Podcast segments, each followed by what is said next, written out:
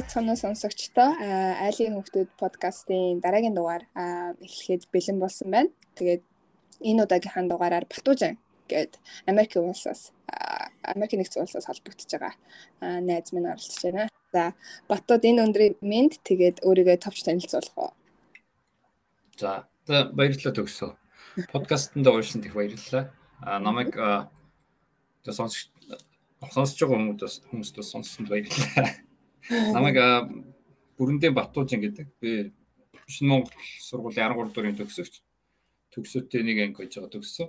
Тэгээд би одоо Сан Диегод Америкийн Калифорни мужид Сан Диегогоор хотод The Scripps Research Institute гэдэг тийм хувийн судалгааны газар би PhD-г хамгаалахад судалгаа хийж байгаа.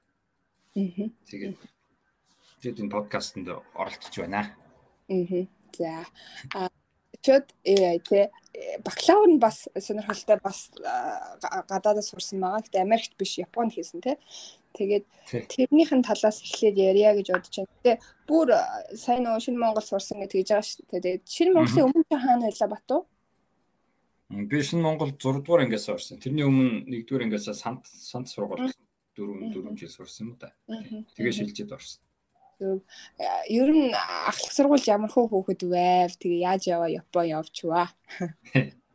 Ахлах сургууль доо ахлах сургуульд нэг тийм чимээгүй хичээлдээ нэлийн анхаардаг нэг тийм жоохон ичимхий хөвгт байсан. Үеийн гавал байгаа тий.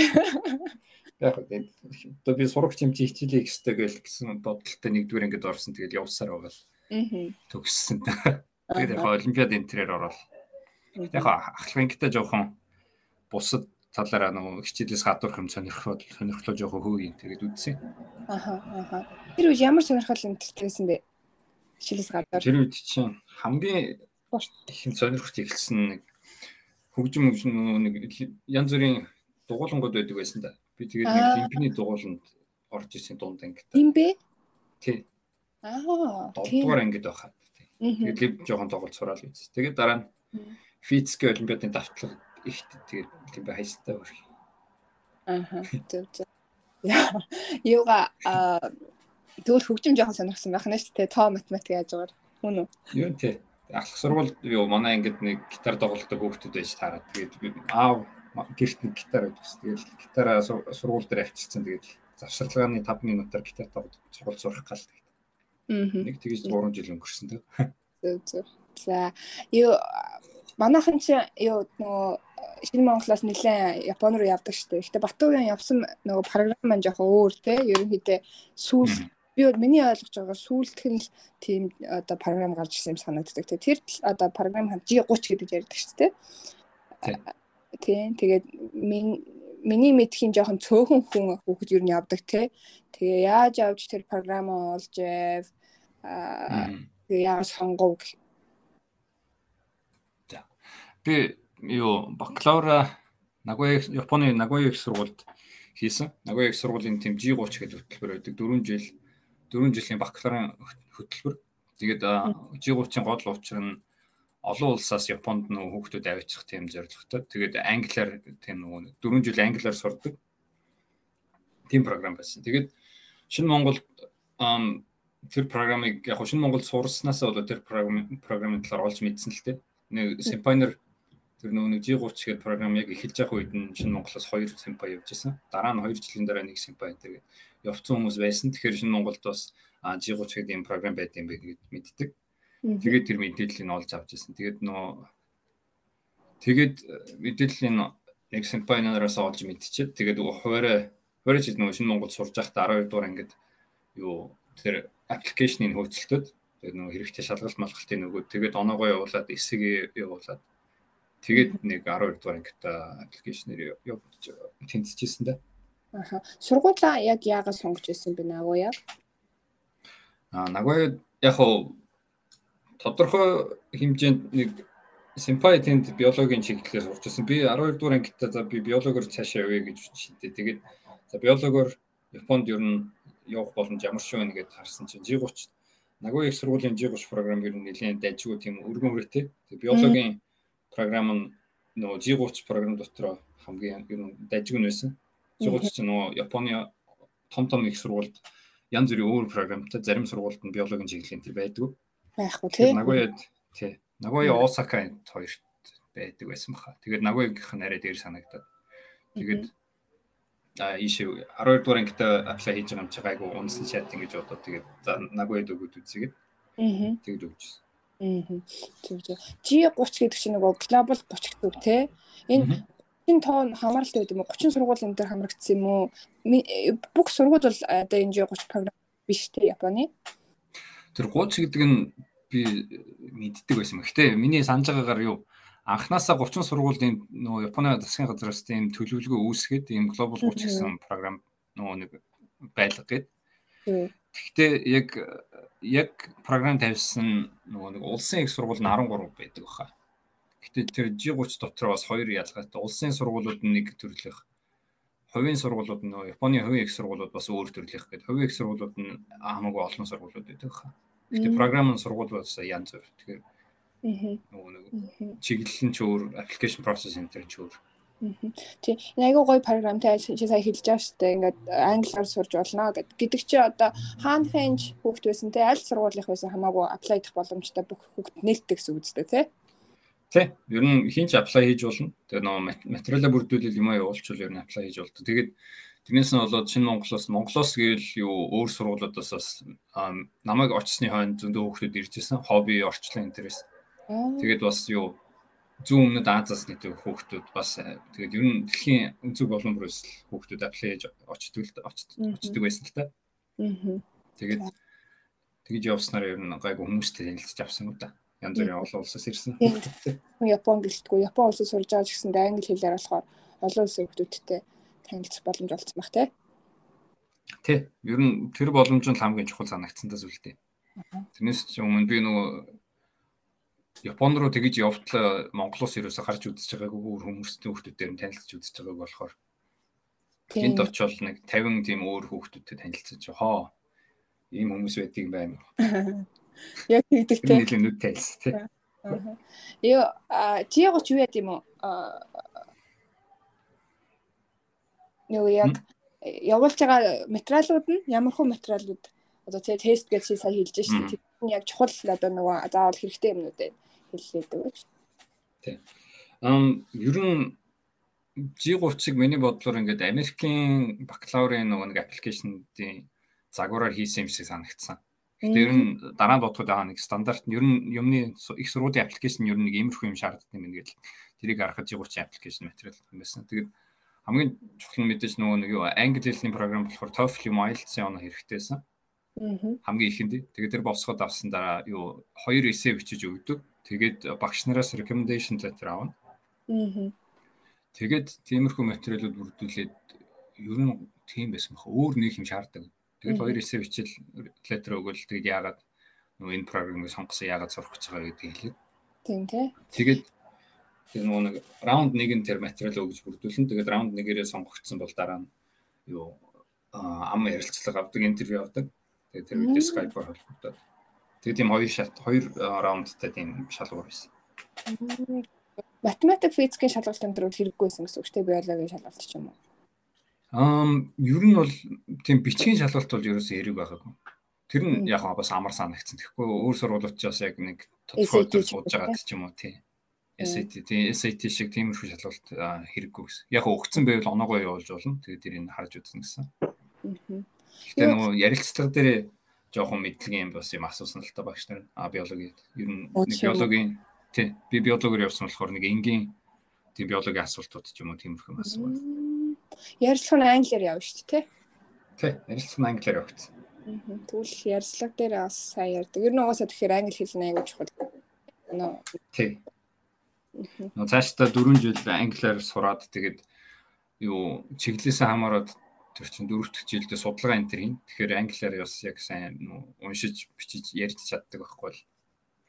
Орцсон ч гэсэн азар орцсон ч гэсэн цаашаага хэцүүднэ гэсэн үг л дээ. Тэр анхнаасаа тий өөртөө ихтэй байж байгаа. Бас оноо сайтай байлаа гэд бас яриа нөгөө нэг яриан дээр унчвал бас хэцүү юм шүү. Тэгэхээр бас яриа сайтай байхгүй л тий ярьдаг.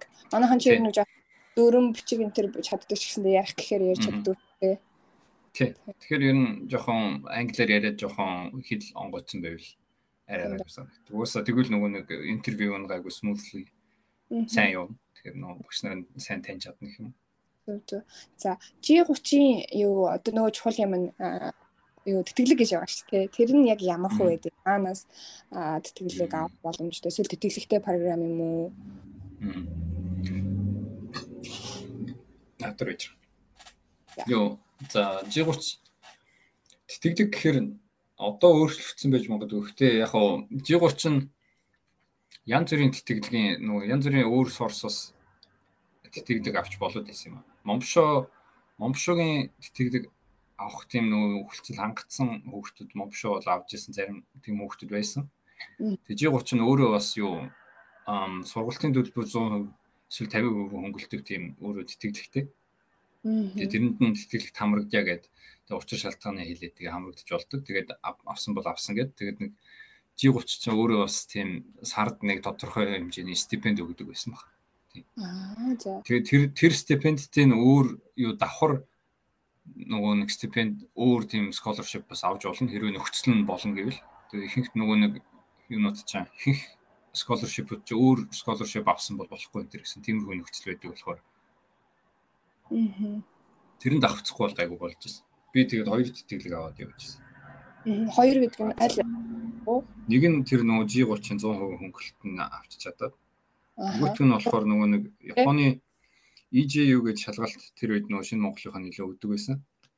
Тэр шалгалтын дээр 600 оноо авцсан байвал юу Японы засгийн газараас юу тийм хэрвээ Японы их сургуульд элсэж орохоор орохоор бол 600 оноо авсан бол тэтгдэг өгнө гэсэн тийм Жасогийн тийм тэтгдэг гэдэг байхгүй. Аа. Тэгэхээр тэр хоёрыг ингээд хамт авсан чи гайгүй мөнгөний хэмжээ өрөнд ажиулж ирсэн. Тэгээд одоо явсан. Сайн момшо гэж хэлж байгаа нөгөө Японы бас засгийн газар нэтгэлэг тий. Тэгээд тийм. Тэгээд дараагийн опшн болохоор жасоо юм уу эсвэл яг нөгөө саяны хэлсэн сургалтын хандлбарыг 100-аас юм уу 50% хөнгөлөх болно.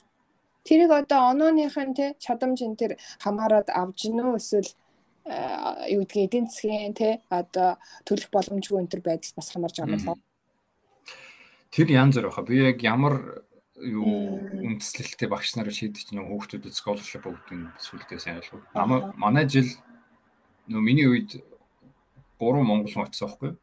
Гурлаа G30-ын тэтгэлэг авсан. Тэгээд дараа нь жил болгон баг Монголоос хоёр хүүхэд ирж исэн байхаа. Зарим нь шинэ Монголоос зарим биш гэдэг. Гэхдээ тэр хүүхдүүд зарим нь бол ерөөсөө юу тэтгэлэг авч чадаагүй. Яагаад ч юм. Аа. Цаанаасаа нэг юм хараад шатдаг. Эдийн засгийн байдал яг уу яг хардаг баха. Хэрвээ үнэхээр боломжгүй хөвгтэй л үг явууч гэдэг юм. Тэр нь хамгийн гол байх л та одоо бодвол. Аа. Зүг зүг зүг. Окей. За тэгээд Япон улсыг сонгосон нэрэ шалтгаан нь бас сонсъё батав. Одоо уул нь англи хэл чинь чиний айгуу сайн байсан шүү дээ. Өөрөө шийд явъя гэвэл явахаар л байсан баг та. Ээ тэр үед минийх зүгээр тохиолдлоор юм уу? Угаасаа яг шинэ Монголд нөгөө нэг бараг 7 жил сураад Япон хэл жоохон сурцсан байсан. Японы талаар ойлголттой болсон байсан. Тэгээд нөгөө юу найз тэр чинь үеэрээ төгсөл тэгээд нөгөө ихэнх нь бараг 50% шахуун Японд руу явж таардаг. Тэгэхээр за за ер нь Японд руу ер нь бөөндөө тэгээд нөгөө нэг дээр симпанерийн холбоотой энэ төргээд мэдээж тэр талаараа нэлээ ойрхон байсан л та шинэ Монгол нэлийн холбоотой байсан болохоор. Гэхдээ 12 дугаар ангид би зүгээр нөгөө хичээлийг хайж байгаа аппликейшны өгөөд өгж үзье гэж бодвол тэгээд нөгөө хамгийн гайгүй амархан G30 байсан болохоор за G30-ыг өгөөд үзье тэгээд G30 тэнцэхгүй бол цаашаа нөгөө төгссөнийхөө дараа яг за яг одоо хайшаа явж болох нү гээд SAT өгж оноо авах энэ тэгээд бодож ирсэн.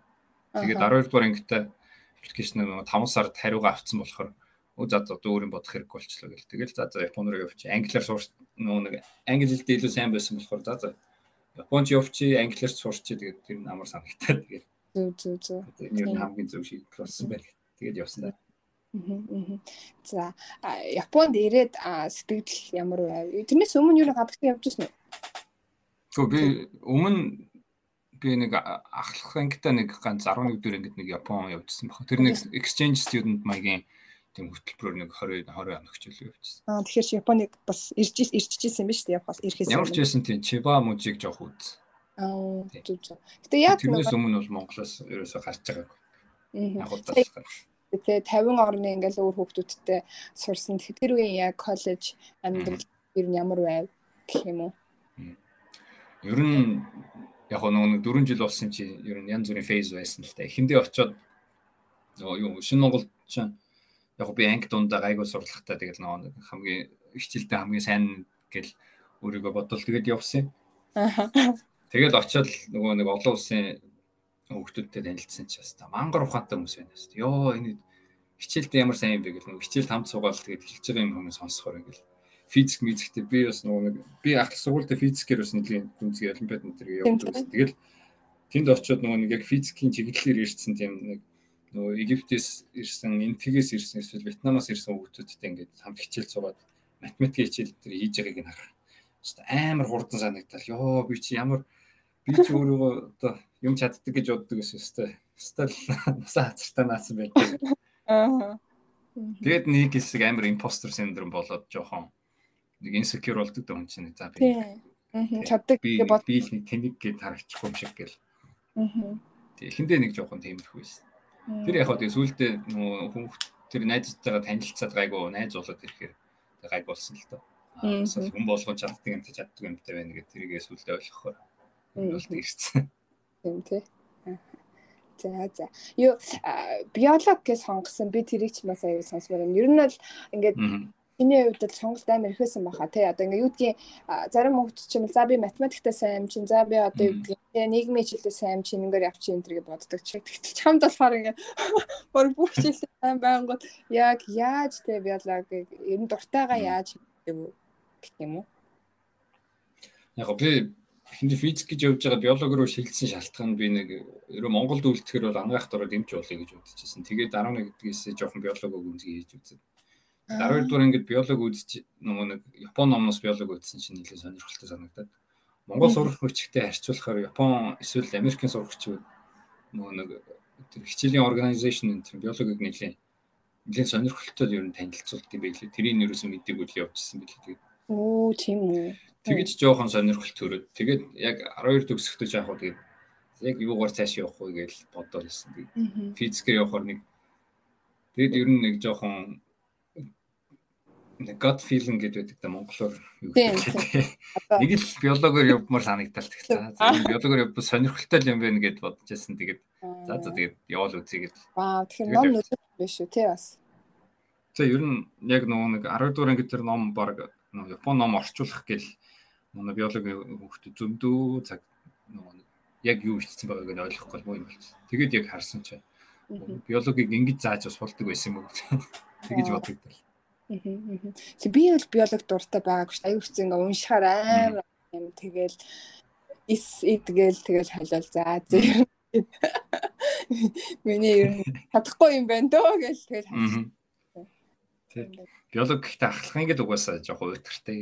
Нөгөө нэг тийм яг тийм шалны мэдлэг гэх юм уу? Нөгөө нэг дунд сургууль ах сургуульд тэгээд зүгээр уншиж тэгээд цээжл тогтоох юм амар их байдаг болохоор хүмүүс ер нь тэгээд ууд ядах болж сонирхох болждаг санагдсан. Тийм тий одоо уул нь боловсрал юм чийжлэх биш болчмоор байгаа юм да уул нь тий. Гэхдээ яг биолог зүгээр нөгөө нэг судалгааны одоо судалгааны сэдвийн одоо тийм байдаг болохоор яалах аргагүй л тийм. Тэр мэдлэгээ яг олоод авчвал цаашаа ямар ямар судалгаа хийж болох нь тэлээд нэлийн сонирхолтой болж ирдэг. За зүг зүг. За одоо ингээ бакалавр ерөнхийдөө 4 жил болонгууд батан маань ингээд Америк руу тий доктороо хийхээр явсан маш мастер доктороо хамтдаа за яаж яваад тий Америкээс сургуулаа сонгороо хэдий зэнтэй сонголтоо хийв. Чи чи баг дүнгэж төгсөө шүүж авсан шүү дээ. Тэгэхээр чи аа тэрнээс одоо юу гэдгийг бакалаврын бол 4-р курс, баг 3-р курс байхдаа энэ төр ерөнхийдөө гадагшаа явъя гэж бодож ирсэн өөрөө өөрөө. Хм. Аха. Юу нэ анханасаа цаашаа нэг цаашаа докторийн авъя гэж нэг бодол байгааг л ах сургууль төгсөж байгаа одоо юу ч мэдээ доктор гэж сурах хэрэгтэй гэж ойлгоогүй явсан. Тэгээд Японд очиод Нөгөө цаашаа урсгалаараа ингээл явал хичээлээ сонгоол үзэл үзсэн. Тэгээд нөгөө судалгаа хийх лабораторио сонгох хэрэгтэй болохгүй. Аха. Тэгээд тэрийг харж байгаад ингээд ингээд нэг лаборатори сонгоод орсон. Уургийн тийм бүтэц судалдаг лаборатори гэдэг. Нэлээд сонирхолтой санагдаад. Физик, биологи холилдсон байсан аахгүй. Биофизик талаар. Биофизик, биокемистри нийлүүлээд тийм нийлүүлсэн тийм судалгааны чиглэл юм. Тийм чиглэл орж сонирхоод тэгээд дөрөвдүгээр курстэйг тэгээд судалгаа хийгээд үзсэн чинь эн чи ер нь нэлийн боломж юм биш үү? Надад энэ таалагдчихна гэж бодоод тэгээд нэг жил судалгаа хийгээд үзэхэр чи бас нэг аа нэг юм байна гэх. Тэгээд бакалавр төгссөний дараа судалгаа хийгээд төгсөн дараа чи төгсөхдөө яг судалгаа хийгээд үзэхэр за за бакалаврт ер нь олсон мэдлэг ер нь ер нь бол хаач хүрэхгүй юм байна гэж. Юу ч юм байна гэлээ. Аха. Ялангуяа биологийн тийм яг шинжлэх ухааны нөгөө нэг шинжлэх ухааны тийм төрлийн ажил хий гэвэл яг research талаар ажил хий гэвэл бакалавр дээд би ер нь ямар ч ажил хийж чадахгүй юм гээд. Тэгээд за за цаашаа ер нь докторт бол сурах нь тодорхой юм байна гээд. Зүг зүг. Тэгээд. Мгм. Мгм. Тэг яаж яваад Америкийг олов те? Юугаа. Мгм. А багшаас олох хэрэгтэй байдаг баха те. Миний бодлоор үгүй юу? Аа тэр яг уу янз бүр Америкийн ихэнх програмууд яг уу багшаа шууд сонгох шаардлага бол үүдэг. За гэхдээ эхнээс нь эхлэхэд Америк яг уу ер нь G30-аас бас нөгөө нэг дээд үеийн симпай нар нь бас байдаг л да. Тэгээд жил болгон биологийн нөгөө нэг хүүхдүүдээс ийш тийшээ мастер доктор хийх ийш тийшээ явдаг. Тэгээд нэг юу анх G30-ын талаар ярьж исэн симпай маань нөгөө нэг G30-а төгсөд цаашаа Америк руу судалгаа хийхээр явсан байхгүй юу? Аа. Тэгээд аа Америк руу судалгаа хийвэл нэг иймэрхүү нэг application process-ээр явуучих юм гэсэн нэг жоох ойлголттой байсан. Мгм. Тэгээд гэтээ ер нь яг хуу анхандаа харахад ийш жил харсан л да Английн, Европын програм энэ төргээд нөгөө нэг судалгааны чиглэлээ харж байгаа л жоохон нарийнсан болохоор аа судалгааны чиглэлээр хөөж байгаад ийш жишээ хаана ямар шиг багш вэ гэдэг тэгээ харч игээд Мгм. тэгээд ийш чи харж байсан. Тэгээд хараад байхад гол нь хамгийн олон тийм програмтай нь Америк байхгүй юу? Америкийн Калифорниагийн нөгөө нэг Сан Франциско Сан Франциско, Сан Диего энэ төр чинь нэлийн том тийм нөгөө биотекийн тийм одоо юу гэх юм биотек центр Аа, тийм тий. янз бүрийн тийм биотек компанитай тэгээд нөгөө судалгаа нэлийн хөгжсөн байдаг. Бас Бостон, Массачусетс та- тийшээ бас нөгөө биологийн тийм нэлийн юутай биотек компаниудтай. Тийм болохоор Америкт юу судалгаанд нэлийн мөнгө зарцуулдаг санагдаад хамгийн нөгөө нэг фандинг их тэгээд нөгөө боломж их байдалтай санагдаад тэгээд бас зүгээр нэг практик талаас бодоод үзэхээр нөгөө нэг Европын application process, Америкийн application process энэ төр гэл нөгөө газар газараас шал өөр шүү дээ. Канада энэ төр гэж жоох өөр. Тэгэхээр за би нэгэнт угаасаа нэг 4 5 сургууль аппликейшн өгөн. Тэгвэл 4 5 сургууль бүгдийг Америкт өгчвөл нэг төстэй application processтэй болохоор нэг материалаараа ер нь ийш тийш олон өгчөж болно гэдэг. Зүг зүг. Тэгээд жоохон амраа бодвол за за Америк руу өгөөд үзье гэдэг өгчсэн. Тэгээд нэг дөрвөн сургуульд аппликейшн өгсөн. Аха, дөрөв нь хаана хаана? Ерөнхийдөө ихэнх нь Калифорни энэ төр байсан юм уу эсвэл Юу хоёр нь Калифорниад, нэг нь UCSF гэдэг нэлийн том нөө Medical Research Institute-тэй сургууль. Нөгөөх нь одоо манай сургуульч хэн хайшаа нөгөө Scripps Research гэдэг private institute PhD програмтай гэдэг. Нөгөө хоёр нь болохоор би чинь юу New York University School of Medicine гэдэг бас нэлийн дайчгүй санагдаад өгчсэн. Тэгээд нөгөөх нь болохоор Rockefeller University. Тэр хоёр нь Yorkт, хоёр нь Калифорни байсан. Аа, зүг. Өшөө жоох үгүй Berkeley интерлүү UCLA руу үгүй гэж бодож байсан. Тэгээд ялтчгүй application process цагт нь амжаагүй юм. Эсвэл интервью бич дуусгаж амжиж өгдөг. За цаг. Аа. Юугаа одоо ингээл энэ процессыг оюутан байхдаа хэд хэдгээр курсээс эхлэв? Хм эхэлсэн яг 3 дугаар курсны лабораторид орсноос хойш үл юм да. Үгүй тэр үед нөгөө нэг G30-ны Symphony Enter-аас ирээд аа application process дэм юм хэрэгтэй гэл нөгөө дээдлийн үеийн Symphony-тэй ярихаар одоо би нөгөө нэг GRE гэдэг тийм нэг шалгалт байдаг. Grad student-д өгдөг. Химийн хим физик ер нь нэг STEM байгалийн ухааны чиглэлээр бол нөгөө GRE гэдэг SAT шиг л тийм шалгалт. Тэр шалгалтын талаар нөгөө Symphony яриад аа одоо ингээд би бэлдэж байгаа тэд нөгөө тэдүүдээ өгсөн тэр гэж ярьсан сонсолт. Аа тэгээд нэг баг сагаар аппликейшн ийм иймэрхүү юм хэрэгтэй юм байна гэдгийг нь ойлгож авал. Ер нь тэгээд 3 дугаар курсээсээ ер нь нэлийн мэдчих авсан да. Мм, Тэгээ яг дөрөвдүгээр курстэй юмнуудаа явуулсан байх нь шүү дээ те? Тэ нөгөө нэг дөрөвдүгээр курстэй яг их дөрөвдүгээр курсээ эхлэхдээ яг application process нь нөгөө нэг саран тэгж дараад угсаа 9 10 сард нөгөө дөрөвдүгээр курс эхлэн тэгээд application deadline энэ нь яг 12 сарын 1-нд ч үүдэг л. Тэгээд нэг 2 3 сартай. Надад за одоо хамиг маа хийж өгвөл болох юм байна. Тий. GRE тэгэхээр өгсөн байх нь шүү дээ GRE. Тэгэхээр TOEFL-ос өгсөн үү? Аа тэр тийм дахиад TOEFL өгсөн. Нөгөө G30 төгсөн TOEFL-ийн оногоос 2 жил өгч тэгээд тэр нь дууссан юм байна. Аа. Зүг зүг жирэ хүнд байгуу.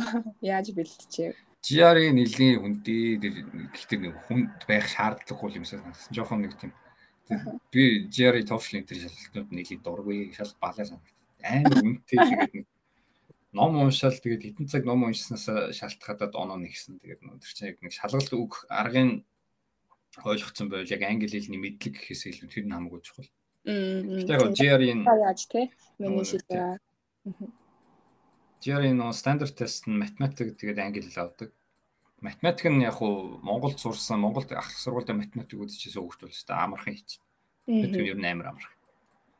Тэгээд англи хэл нь гол нь амар хэцүү. Өстой 9 шидийн үг тийм нэг уншилтын дасгал масгал өстой мангар их юм уншуулна. Аа. Тэгээд үгний мэдлэг энэ төр нэг тийм балаа балаа үгнүүд мэдлэг. Тэгэл тэр үедээ тэр үгнүүдийн цээжилж аваад тэгэл март уусаа цаад жил. Харин тийм. Дараа мартчихж байгаа юм чинь. Тэрийн англи хэлний одоо нэг тэр vocab гэж зүгээр баг ганц хэрэглэхэрэг үгнүүд юм шүү. Тий, угсаа тэгэд одоо би нөгөө нэг судалгаа хийгээд research paper өндөр уншиж байгаа гэсэн тэр үгнүүд бол ер нь баг гарч ирдэг байхгүй юу? Аа харин ямар эрэхтэй байсан гэж бодож байгаа. Аа Ачи та би юу асах. Ачи амир гэж ирж байгаа тий. Аа Тэг би яг яг энэ энэ нэг чухал айгуу чухал санагдаад байдаг аахгүй яа. Тэгэхээр чи ингээ 3 дугаар оюутан байх үеийн 3 дугаар курсээс за ер нь нэг иймэрхүү юм жаммаар юм байна гэдэг 4 дугаар курстэй ер нь баг хамаг оноогоо авсан юм а явуулсан байгааз. Тэр энийг бас тэ хүүхдүүд одоо хэрвээ ингээ магистра хийе гэж бодож байгаа бол бүр ингэж эрт эхлэхгүй л тэ. Нөгөө гадагшаа явах чи өөрөө тестэндээ бэлдээд тэ оноогоо аавна гэдэг чинь бас нэг бараг жилийн юм тэгэл нөгөө юмаа явуулна эсэгээ бичнэ гэдэг чинь бас яг ингээд тэр бүгд нийлээ бараг жил э, шаарддаг болохоор тий Тэгэхээр бас аа шиг тий одоо хэрвээ яг төгсөөл явъя гэж бодож байгаа бол баг ингэж ихтнээс л бэлдэхгүй бол тий ер нь тий. Хизээ явъя гэж гэдгээс нэлийн шалтгаалсан дөө. Тий тий тэгээд нөгөө миний хувьд болохоор Японд тэрээ би төгсчүүл нөгөө нэг виз дуусчихна. Тэгээд Японд нөгөө нэг ажил мэл хийхгүй Японоос явах шаардлагатай болчихно. Тэгэхээр би Японд үлдээд нэг жил бэлдэж угаасаа чадахгүй хойш дөрөвдүгээр курстэй шууд өгөөд тэгээд төгсөөл шууд цаашдын нөгөө нэг юу визний асуудал энэ тэр хаана байхаа шийдчихье гэж бодод тэгээд ер нь дөрөвдүгээр курс төгс. Гэхдээ юу Монголд буцаж ирээд дахиад өгөөд явдаг хүмүүс ч байна. Эсвэл Японд нөгөө нэг Японд мастраар үлдээд тэр хоорондоо аппликейшн өгөөд тэгээд цаашаа явдаг хүмүүс ч байна. Тэр боломжоос санаас хамаартай юм да.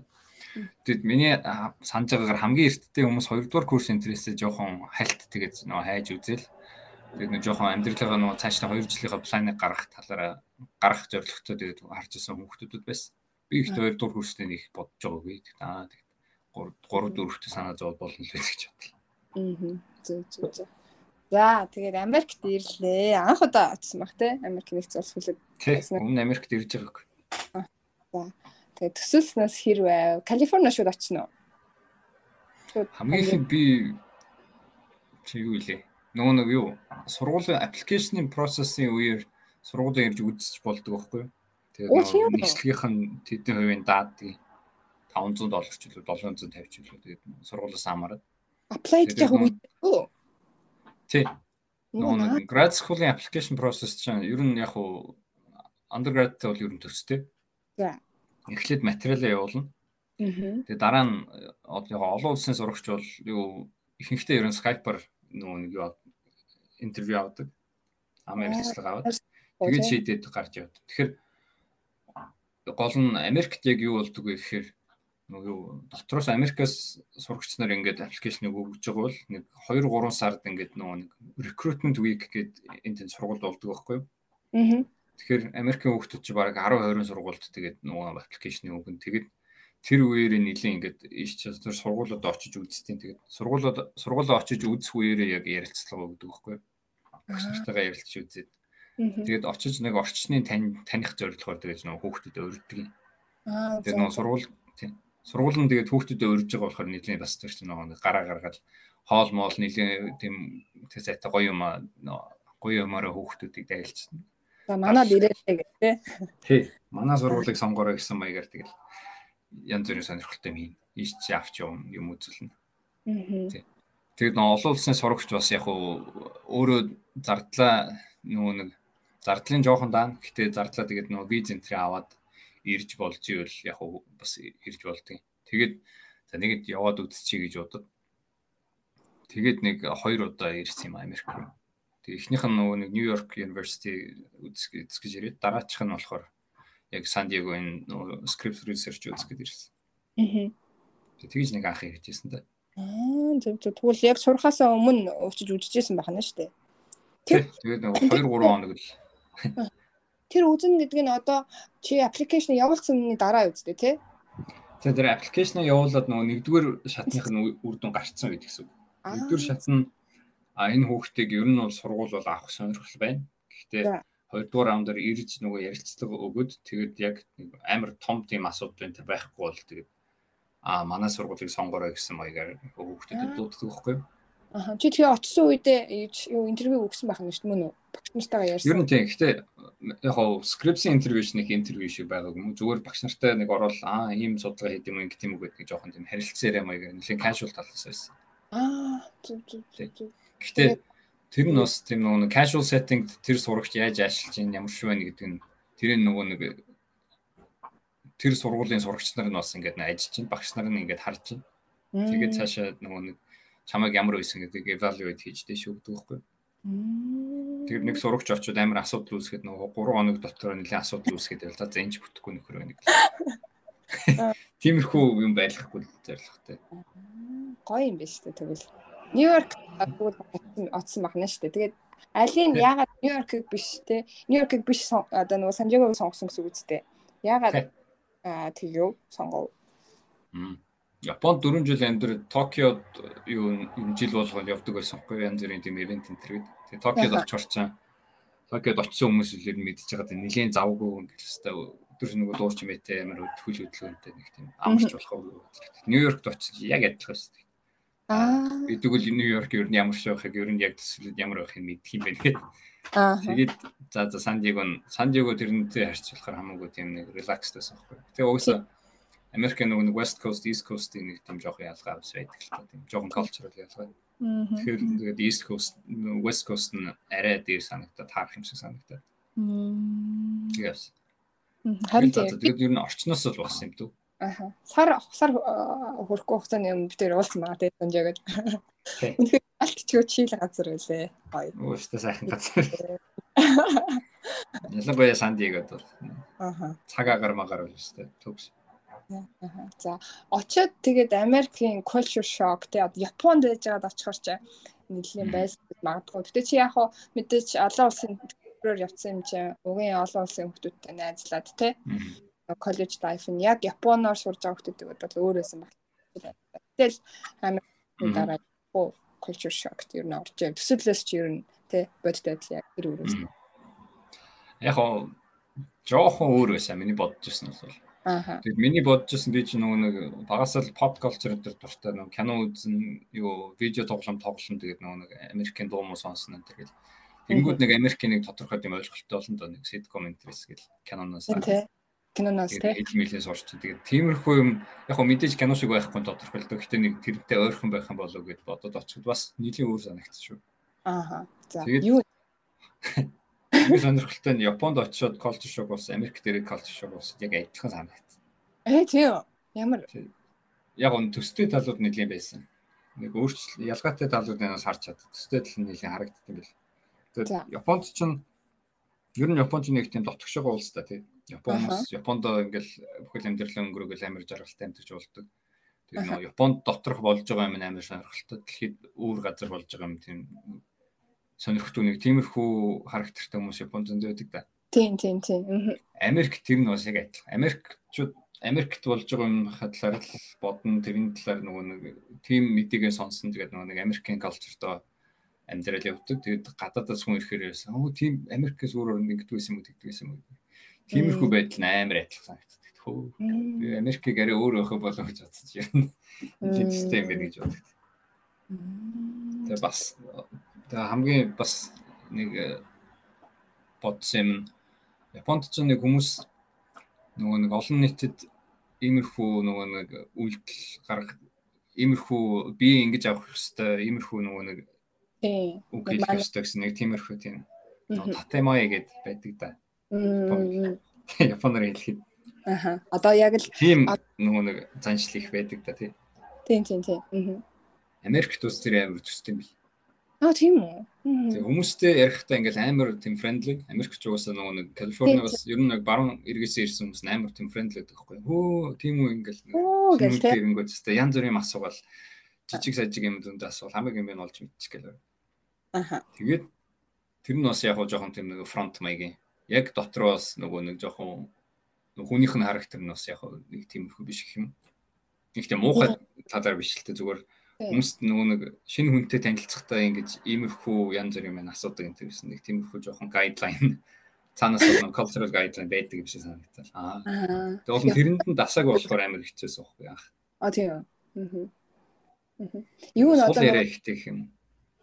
Дамаа октод энэ төрд болохоор надад бол ингэ санагдсан шүү дээ. Яа чи өстой гоё харагч байна гэдгийг бүгд заавал хэлэх хэрэгтэй юм шиг.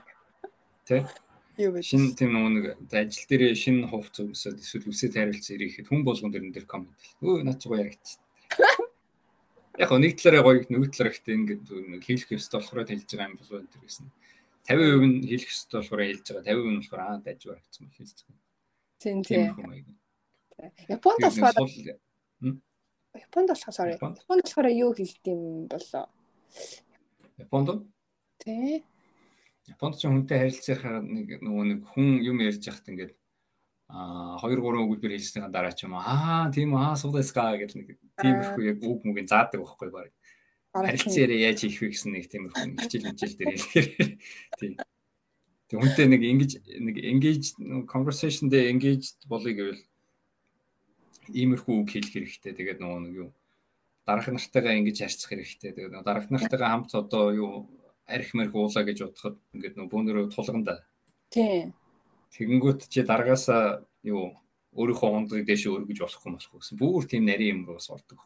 Гадаад хүмүүс яг хөө тэрийг нэгт японочууд нэг тулгаддаг юм л та. Гэхдээ яг э, Японд хүмүүстэй найзлаад яг тэр нөгөө Японд амьдрыг гэвэл яг тэр нөгөө нэг тийм жижиг заншлууд нь амар олон гарч ирдэг. Тэр Мм. бүгдийг мэдчих байхгүй бол юм жоохон гадуурх маягтай. Тийм шүү тий. Америкт харьцуулахаар арай тийм амар биш мөртлөө бас ер нь бас яг нийцэл амьдрахгүй бол нөгөө when in Rome do as the Romans do гэдэг дээ. А? Нэг when when in Rome do as the Romans do гэсэн үг байдаг да. Тийм. Манайхан манай манай монголоор бол Монголоор үг байгаа л. тийм нөө юм биш үү? Аа тийм. Нь бол явсан та. Тийм. Тийм. Сэнэл ясан да. Тий. Нөө. Яг тэр шиг л тэгээд ирсэн бол за ер нь дасаад зөгцөд амьдрахгүй бол ер нь жоохон ганцаардмал байдалтай байх юм байна гэдэг. Тэрийг л ер нь ойлгож өгсөн дүү. Мм зөв зөв зөв. Гэтэ одоо юу гэдгийг а Японоос яг өөр юм а гэж бодсон нь болохоор юу байсан юм? Яг тийм байв одоо өөр юм энэ төсөөрийн ч юм уу тий. Жогоо асуулт юм шиг. Өөр талаар өөр нэлийн бодог юм шиг. Аха. Төстэй гэхдээ нэг одоо юу гэдгийг э, хэрнээсээ ялгаатай л байгаа юм л да тий Япон яаж аха яг нэг юм Яг ялгаатай тал нь нэлийн ялгаатай. Японд хамгийн ялгаатай политиксийн талаар юм одоо улс төрийн талаар Америкт нөгөө нэг сүүлийн хэдэн жил нөгөө нэг Трамп ерөнхийлөгч энэ төр болол тэгээд янз бүрийн нэг улс төрд нь ер нь нэг балаа улаан юм жил болгол болж идэг дөө. Тэрнээсээ шалтгаалаад ч юм уу хүн болго ер нь улс төрдөө нэлийн тийм инвест сонирхолтой байдаг. Хүн болгоо тийм улс. Японд улс төрийн талаар ер нь хийж ярьдаг шүү дээ. Харин тийм шүү. Гадаад хүнтэй угаасаа юу хийж тийм ярих.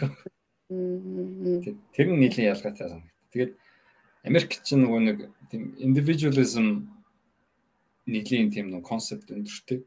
Би өөрийнхөө хувь хүн би ямар нэг тийм өөр хүн намайг тийм лейблээр ингэж лейблэр ингээд нэг тодорхойлохгүй барих гээд ирвэл надад тэр нь таалагдахгүй гэсэн. Тиймэрхүү маяг. Японд бол тэр чинь шал үүрчтэй. Японд би юу юу нийгмийн яг нэг хэсэг болоод тийм нийгмийн нийгэмдээ би яг төгс ингэж хэвэндээ ороод бусдаа ингэж зөрчилдөд хамт амьдрах хэрэгтэй гэсэн нэг тиймэрхүү ойлголттой санагдсан. Америкт болохоор би өөрийнхөө хүссэн юм хийх эрэхтэй. Тэр нь тэгж явбал амьдралын доголовт гэж юм гэсэн. Аа. Тийм ойлголт нь хамгийн ялгаатай юм даа. Түг түг түг. За а юунд Нагояд бол багтаа баг те.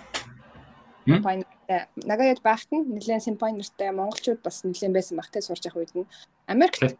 Санжигод очисон чи ер нь монголчууд ховорхон шүү дээ. Бараг байхгүй. Сургуульд нь байгаа юу?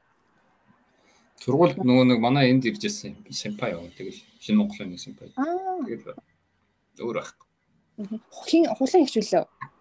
Гэхдээ юу 10 дугаар энэ орж ихч гэдэг. А норжигч. Норжигч одоо сурж л байгаа те? Тий. Одоо арай төгсөг баг. Төгсөж байгаа. Мм зү зү зү. Тэнгүүд а юу гэдгийг одоо яг найзалж байгаа хүмүүс ихэнх нь те юу вэ гэх юм уу одоо наадам ментор болохоо тэгээ хоёр дахнаа уулзах юм ба. Яг наадамыг уулзъя гэж уулзлаа. Яг хаа Сандигод өөр монголчууд бас сүйд олж мэдэх байдаг юм билээ гэхдээ тийм олоолаа бол ер нь шүү. Тий. Сайн л ахлах сургуулийн ангийн хүүхд Сандигод байд юм байна гэж бол мэдчихэж. Тэрнээс биш өөр монгол хүмүүсүүд ер нь баг нэлийн ховор байсан дөө. Хажууд UCS тэгээ том сургуультай болохоор тэнд нэг ганц хоёр хүмүүс хаяа байдаг. Тэгээд э, Америкт монголчууд болохоор LA руу нэлээд олон, Сан Францискод нэлээд олон байт юм бэл. Тэгэхээр хэрвээ наадам эдрийн монголчуудтай юу ингээд нэг тийм уулз юм бол зөв ер нь Сан Франциско явчихвал зөндөө хүмүүс байгаа. тийм бах те нэрэ.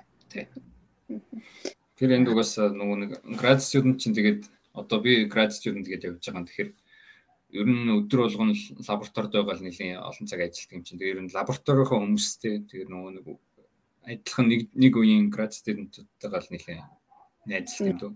Ажлаас гадуур хүмүүстэй танилцсан нэг үйл бас жоохон боломж зүйтэй. Гэхдээ тэгдэг хүмүүс мэдээж байгаа л та. Тэний ер нь стон олон орны хүмүүс байна уу те? Аа миний бодлоор G30 байснаас жоохон diversity цөөрсөн. Аа. Харснаар бол. Аа. Тэгэхдээ Америкт бас мэдээж нөө юу зөвхөн цагаан хүмүүс байгаа байхгүй. Тэгэхдээ газраас хамаардаг. Калифорни яг нь нэлийн diverse. Тэгээд мэдээж Азууд олонтой, Испаник нь бол латин хүмүүс олонтой. Аа. Тэгээд хүмүүс ч бас нөгөө янз бүрийн одоо янз бүрээр Америкт очиод суурьсан хүмүүс байгаа юм чинь. Тэдгээр generation, эсвэл first generation, эсвэл шууд хятадаас ирсэн, эсвэл би над шиг өөр өөр хэдэн орноор аялж байгаад ирсэн гэдэг. Янз бүр хүмүүс. Мм зү зү зү. Окей. Үй нэрэ одоо энэ градийнх нь те град чи одоо ингээл Японд ахтаа судалгаа хийгээл одоо судалгаа хийж байгаа шүү те. Тэнгүүт яг лабораторийн те судалгааны тэр нэг хийж байгаа арга байдал барил нэлээд өөр байна уу? Ер нь төстэй шүү. Бодоход. Гэхдээ яг тэр нөгөө судалгааныхаа чиглэлээс нь л хамаардаг л та. Өөр юм нь өөр. Гэхдээ яг хийж байгаа судалгаа нөгөө нэг хамгийн сүүлчийн судалгааны эцсийн бүтээгдэхүүн чинь ер нь нөгөө нэг paper шүү дээ тий. Тэгээд нөгөө нэг хамгийн одоо дээд зиндааны research хийж байгаа хүмүүс чинь зөвхөн нөгөө хамгийн том journal судалгаа Nature Cell гэх тиймэрхүү journal судалгаагаа өгдөг. Тэгэхээр тиймэрхүү Nature судалгаа өгөхөөр нэг guideline нь адилхан болохоор энэ тэнд хийж байгаа судалгаа ер нь арга барил нь илүү төстэй. Японд хийсэн судалгаа би Америкт ирээд хийсэн тэгээ харьцуулахад ер нь бол тийм солилцох юм ихтэй. Ер нь. Мм. Оо одоо нэрэ урд байгаа а Мм. Юу бол? Чиний яриа жоохон гацчихсан шүү. Аа тийм одоо юу сая юу? Аа. Эний өмнө үү эсвэл Энийн өмнө нэг асуулт асуухчсан дээр сонсогдсон. А би зүгээр зогссон сая нөгөө юу амар Аа. төсөөд гарна. Машины юу Аа дугаар. хойно юм. Тий. А энэ зүгээр галын машин явж байгаа хөө. Аха. Би юу гэж сонсох. А одоо ингээд э, Америкийн grad school руу явуулах нэрэ тэтгэлэг яасан бэ? Одоо ямар хөө тэтгэлэг байна? Ажиллах тий. За Америкийн юу байгалийн ухааны чиглэлээр American grad program цаанаас цалинтай байд юм. Fully funded гэсэн маягаар явдаг байхгүй юу? Тэгэхээр сургуулийн Тэр- төгсгөөс Тэгээ сургалтын төлбөр энэ төрлийн төлчдөг. Тэгээд цаанаас нь цалин өгдөг. Тэгээд тэр нь яагаад тэгж байгаа гэхээр угаасаа град Америкт болохоор grad student гэдэг нөгөө 5 жилийн тийм програм тэгээд орчвол угаасаа 7 хоногт нөгөө нэг ажил шиг 40 цаг судалгаа хийх ёстой гэсэн тийм шаардлагатай. Аа. Тэгэхээр 7 хоногт угаасаа 40 цаг лаборатори дээр байхаар угаасаа өөр ямар ажил хийж амжих уу гэдэг. Тэгээд угаасаа надад өгсөн виз миз нь бол цаашаа өөр тийм нэг ажил хийж болохгүй гэсэн виз өгч байгаа байхгүй. Аа зөв зөв. зөв. Тэгэхээр өөр орлогын тийм юу байхгүй. Орлогын сорс байхгүй. Тэгэхээр угаасаа хүнийг тэгээ 5 жил өөрийгөө тэтгэд амьдрах хийж хэлэх нь бас хэцүү юм шүү дээ. Тэгэхээр чинь нөгөө нэг град студенттэй сурж байгаа ч сураад судалгаа хийж байгаа гэж суутахаараа бас нөгөө нэг хувь нэмэр оруулж байгаа гэж суутахаараа цаанаас нь стипенд өгдөг байхгүй. Яг яг цалин биш гэдэг үг стипенд маягаар. Мгм. Тэгэхээр ер нь яг газар амьдрах өртгөн төр газар газараас жоохон ялгаатай. Гэтэ нэг тийм мэдээж баян амьдрахгүй зүгээр нэг тийм оюутны амьдралаас жоохон дээгүүр маягийн л. Японоос өртөг бол их байна уу чи одоо юу гэдгийг Японд бол тэтгэлгээ аваад хангалттай байдаг байсан уу? Одоо Америкт яаж юм? Японд яг хуу оюутны амьдралаар амьдрахад тэгдэг яг хуу гайгүй үржсэн. Гэтэ хажуугаар нь бас нэлийн ажил хийх шаардлага гарсан л та янз бүрийн хувийн шалтгаанаар. Аа. Жохон илүү мөнгө зурлаад ингэ тэгэж идэв юм. Тэр би нэлийн цагийн ажил хийжсэн. Аа. Энд Америкт ирээд болохоор юу өртөг бол нэлийн өндөр. Ялангуяа Калифорниа тэгээд Калифорни дотроо Сан Франциско, Сан Диего хоёр чинь баг хамгийн үнэтэй. Аа. Юугаар үнэтэй гэхээр нөгөө байрны рентийн үн сард нөгөө нэг байрандаа хэдэн хэдэн доллар төлөх хэрэгтэй гэдэг нь тэр нь хамгийн үнэтэй.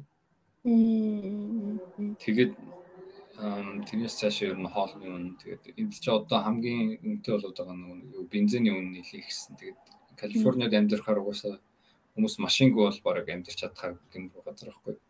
Тийм тий. Аа. Тэгэхээр хүн болгон бензиний үнд нэлийн ач холбогдол өгөн тэгэл. Аа. Тэгээд цалин яг хав яг bare minimum дээр тэгэл хүрээд болд юм дөө. Тэр энэ тийм тэгээд Байр одоо чи Америк үнэтэй гэдэг чинь шүү дээ. Ер нь одоо хаана амьдарч байна? Очиж байгаа санджаага Калифорни хүүхдүүд сард ер нь дор шидийг баг хийн тий. Оюутан Мгм. хүүхд ганцаар амьдрахаар бол тий. Одоо би ажлынхаа гайгүй ойролцоо газар амьдарч байгаа. Энд нэг тийм University Town City гэдэг нөгөө UCSD-гийн сурагч нарын ер нь нэлээд тийм байдаг нэг тийм хотын хэсэг байгаа байхгүй. Аа. Тэгээд нэг тийм гурван өрөө байранд. Гурван тийм bedroomтэй хоёр bathroomтэй тийм байранд амьдарч байгаа. Аа. Тэгээд гурлаа амьдарч байгаа гэсэн. Тэр нэг хүнтэй bathroom хуваалцаад. Аа. Тэгээд тэг миний сарын төлбөр одоо сүүлийн 2 жил юу бусад төлбөрүүд нэлээ ихсэн. Тэгээд нэг газар амьдраад байвал гайгүй нэг үнийг айхтар нэмж чаддгүй. Тэгэхээр гайгүй хямдхан байгаад. Тэг миний одоо сарын төлбөр би өрөөнийхөө төлбөрөөр төлөхөд 920 доллар байхгүй. Аа зүг зүг. Тэг. Тэгэхээр чинь чи Японоор бодвол шууд юу- 1000 доллар байхгүй. Тэг. Тий одоо бүр Тийм 1000 доллар байхгүй бол болохгүй. тийм байна тийм байна. Дор хаяж нэг 1000 доллар сард өгнө л гэж бод. Тий. Тэгээ эн чинь нөгөө гурван өрөө байр гэсэн тийм хамтханд орж байгаа шүү дээ. Ганцаараа амьдрын нэг өрөө байранд эсвэл нэг тийм студио гэдэг нөгөө нэг тийм том өрөө унтх өрөө нийлцсэн юм шиг тийм байранд байгааг 1800-аас эхлэн нэг хүнээс гарах. Тэгээ Оо. 2000 тий даваал. Тэгэхээр ганцаараа амьдрах боломж л ер нь бол байхгүй. Аа. Град студентын цалин дээр. Тэгээд нөгөө нэг оюутнууд ч тэрнээс энэс илүү энэс бага мөнгө бид эдээс бага мөнгөтэй. Тэгэхээр чинь нэг өрөөнд хоёулаа нэг хоёр ор тавиад тэгээ шахалтаж амьдэрдэг юм. Хүмүүс тэгж аргалт. Мм. Сард 1000 доллар болно гэдэг чинь бас тийм амар төлөөс биш шүү дээ. Тий.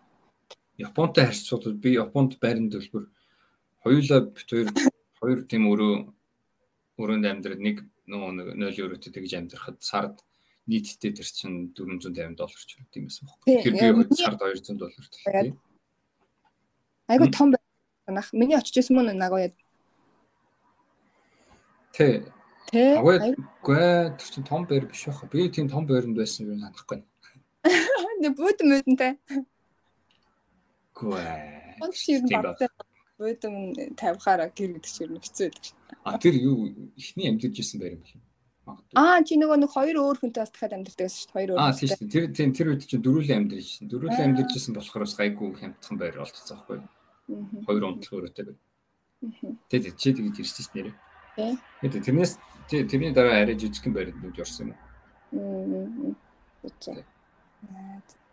Юу Японоос нэрээ одоо ингээд Америкт чи хэдэн жил болчих вэ? 3 жил болчих уу? 4 жил. Америкт одоо 3 жил болчих. 3 жил болж. Одоо дахиад 2 жил сурна тий. Магистр чи одоо ерөнхийдөө бол Япончин болохоор магистр 2 жил, доктор нь 3 жил гээд тусдаа ерөнхийдөө байдаг. Тэгээ Америк бол миний аль нийлүүлэл 5 жил ил тий. Тэгээ grad student, master, доктор. Тий. Алилийн авдаг гэсэн шүү дээ тий. Тэгээд одоо 3 жил болчлоо. Японоос санаж байгаа юм юу вэ? Японд бас 4 жил болсон шүү дээ. Нилээ удаан санаж байгаа юм гэх юм. Японтой бас тийм ер нь complicated relationship шиг санагдт юм дөө. Ихэндээ очивол амар гоё байсан. Дараа нь 3 4 дэх курстэй жоохон депрессэнд ороод Японоос явмаар санагдаад энэ ч би байж чадахгүй ч багтраад ч хэцүү байна гэж бодлоо. Японд амьдарч чадахгүй Япон хүмүүсийг харж чадахгүй гэсэн маяг бол. Тэгээд гол нь тэгж тэгж явж ирээл эхний жилдээ шууд Японыг санаж байгаа юм чи.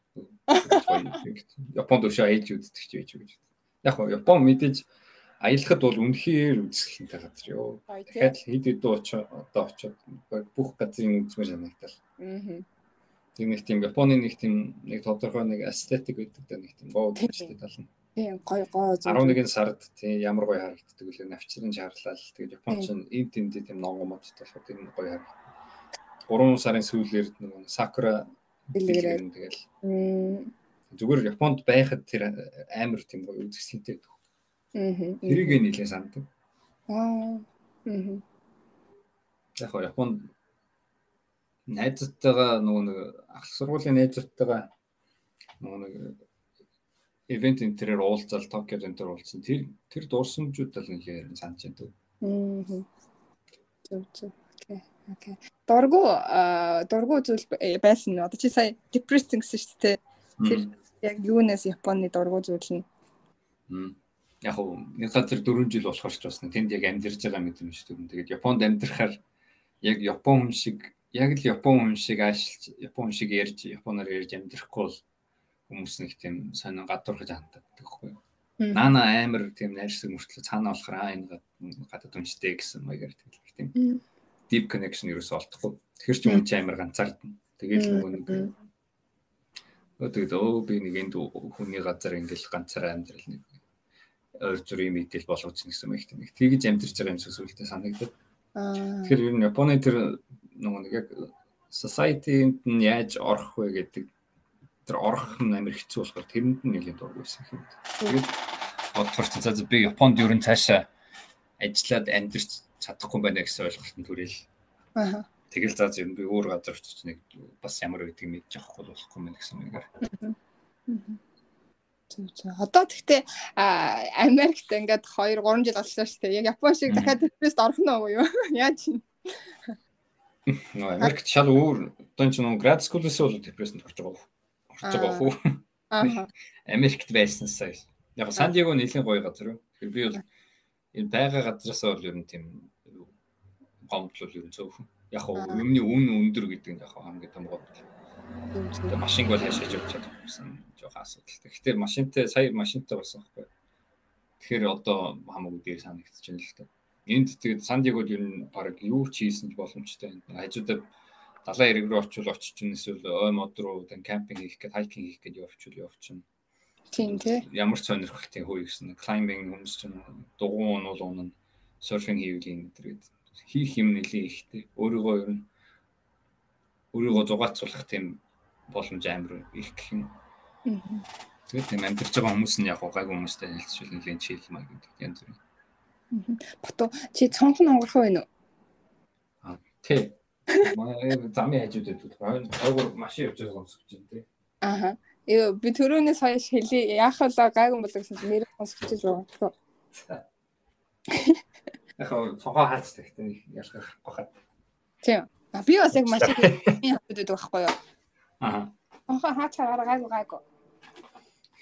Тэгээд юу аа Сая хаачлаа. Окей. За баярлалаа. Аа за чи би тэгэхээр яг нэг асуусан санагчлаа. Чи сая ингээл өөрийгөө зугаацуулах юм ихтэй гэж шүү дээ. Тэгэхээр яг одоо нэг хичээлээс гадуур юу хийж гэн? Мм. Тий, одоо ажилласаа гадуур гэх юм уу? Мм. Тэ. Наа чин жоох асуудалтай. Би нөө саяхан машин авсан болохоор 3 жил ер нь хүссэн юм нэг тэгж чаддаг юм. Тэгээ гол нь нөгөө нэг ажилласаа амар завгүй санагдаад тэгээд өөрийгөө нэг тэгж яг ажиллаас ажиллаа зохицуулчаад өөр юм хий гэсэн нэг тийм нөгөө нэг драйв хүч жоохон хүрээгүй санагдаад. Тэгээд сүүлийн 3 жил ер нь Сандигод байсан нэг тийм үр ашиг би нэг гаргаж чаддаг юм шиг санагдсан. Яг хамгийн наадахын жишээ би нөгөө сэлж чадахгүй болохоор нэг тийм 70 90 рүү явах нэг тийм сонирхол байхгүй. Яг өөр хүмүүстэй нэг хаяа аа юм ивент болж ин bonfire хийж ин тэгээд явбал явна. Тэгээд нэлээд гоё. Тэ. Та би тийм ирүүл бас явна. шууд унтаад өгсөн байгаа. За бараг тий. Нэх гоё, нэх гоё сансет хараалдаг. За за байгаа унтыг. Тэгээ Сандигод амьдэрдэг бол бараг өдрөө болгонд юм 7 хоногийн уикенд болгонд тиймэрхүү хийж болохоор байхгүй. Тэгээд би жоохон тэгж чаддаг юм шиг санагдаад.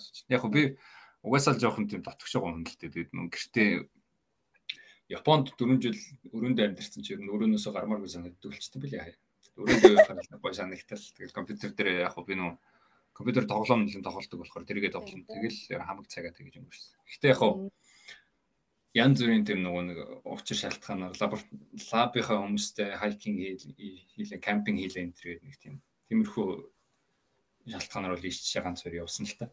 Тэгээд одоо цаашаа бас өөрөө жоохон өөрийнхөө сонирхлоор өрсөн газар өдрөө явд юм уу гэж бодож байна. Би сая машин чам дээр очичоод машин авсан чи мэдээг юм шүү би саяхан авсан. Тэгээ чамайг явсан дараа. Дараа авсан юм уу? Тий.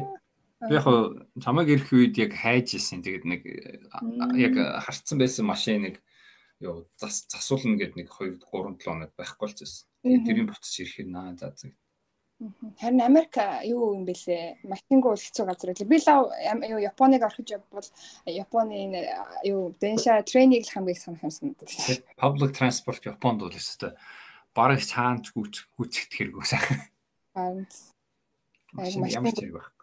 Би бол одоо таад байхгүйсэн бол уга таад байхгүйсэн бол би бол зүгээр балрах байсан мөлий. Uber-д одоо хэдэн байсан тэгээ бараг Uber-д амар их мөнгө шүү дээ. Харин тийм бараг тэгээ тэр нь ер нь хурд явахгүй Хэцүү байла. Тэгвэл тэгээ сайн машин авсан байна шүү дээ. Тэгвэл одоо нэг викенд дээр биш дэше явал яваад харах юм ба шүү дээ, тий? Тий. Одоо тэгээ машина бариад дасчвал ярина гайжгүй явдаг болчих юм байна гэдэг бодож шүү дээ. Бариад дасчвал гэж чи юм уу? Монголд юу авчихсан уу? Үнэлэх авчихсан уу? Монголд үнэлэх авч байгаа. Монголоос 17 настайдаа явчихар чинь нөгөө тийм биш. Дунд тийм курс мөрс сууж амжаагүй. Тэгээд одоо Америкт авсан юм уу? Тэгээ сая Америкт авсан. Үнэхээр. Монголд ерөөс авч байгаа юм чинь. Тийм байна, тийм байна. Тэгээ Японд угаасаа авах гэхээр амар үнэтэй. Оюутан хүн чинь дээр даахгүй. Тэгээ Японд угаасаа машин барих тийм хэрэгч байхгүй. Тэгэхээр тэгэл явал. Тэр нь бас сонь занагцсан шүү. Би энд 21-т Америкт ирээд тэгэл өөр нэг 21-т 22 3-т хүмүүстэй ингээд ярингууд би одоо машин бариад 7 жил болж байна гэж ярьж байгаа. 16 настайгаас дээрээс сурцсан хүмүүс. Машин амар сайн барина. Машин тийм natural маяг. Тэг би болохоор ерөөсөө би машин барьж чадахгүй шүү дээ. Э жоох яг уу ич ичим ичээц. Тэгвэл одоо одоо машин мөрөгчгөө хүн шиг найз удаа. Яг мөрөгчөөгөө юм гэх гайгүй. Америкт бас жоохон юу хайвей руу н орж явах бас юм бэлээ тий. Тий. Гэхдээ яг хүн болгон хайвей руу ордог болохоор тэгээд гайгүй. Хүмүүс орж байгаа гэдэг нь нөгөө хайвей дээр явж байгаа машинууд мэдчихэж байгаа болохоор тэгээд гайгүй юм болчихлоо. Нөгөө анхан барил баригчийн тим юм уу тавихгүй юм аа тэмдэг юм бэ. Яах вэ одоо нэг өсөрж ороод тэгэл машин байддаг л болох хэрэгтэй шүү. Тэгээ манай нэг ихч тэгжсэн шүү дээ анх наваа сурж байхад шүү дээ. Ерөөсөө нэг л чухал юм байна төгсөө гэж байна машин барихад. За гэсэн чинь зөрөгтэй л байсан. Тэ. Өөртөө ихтэй байл ер нь барьчих. Өөртөө ихтэй зөрөгтэй л тэгээ болно.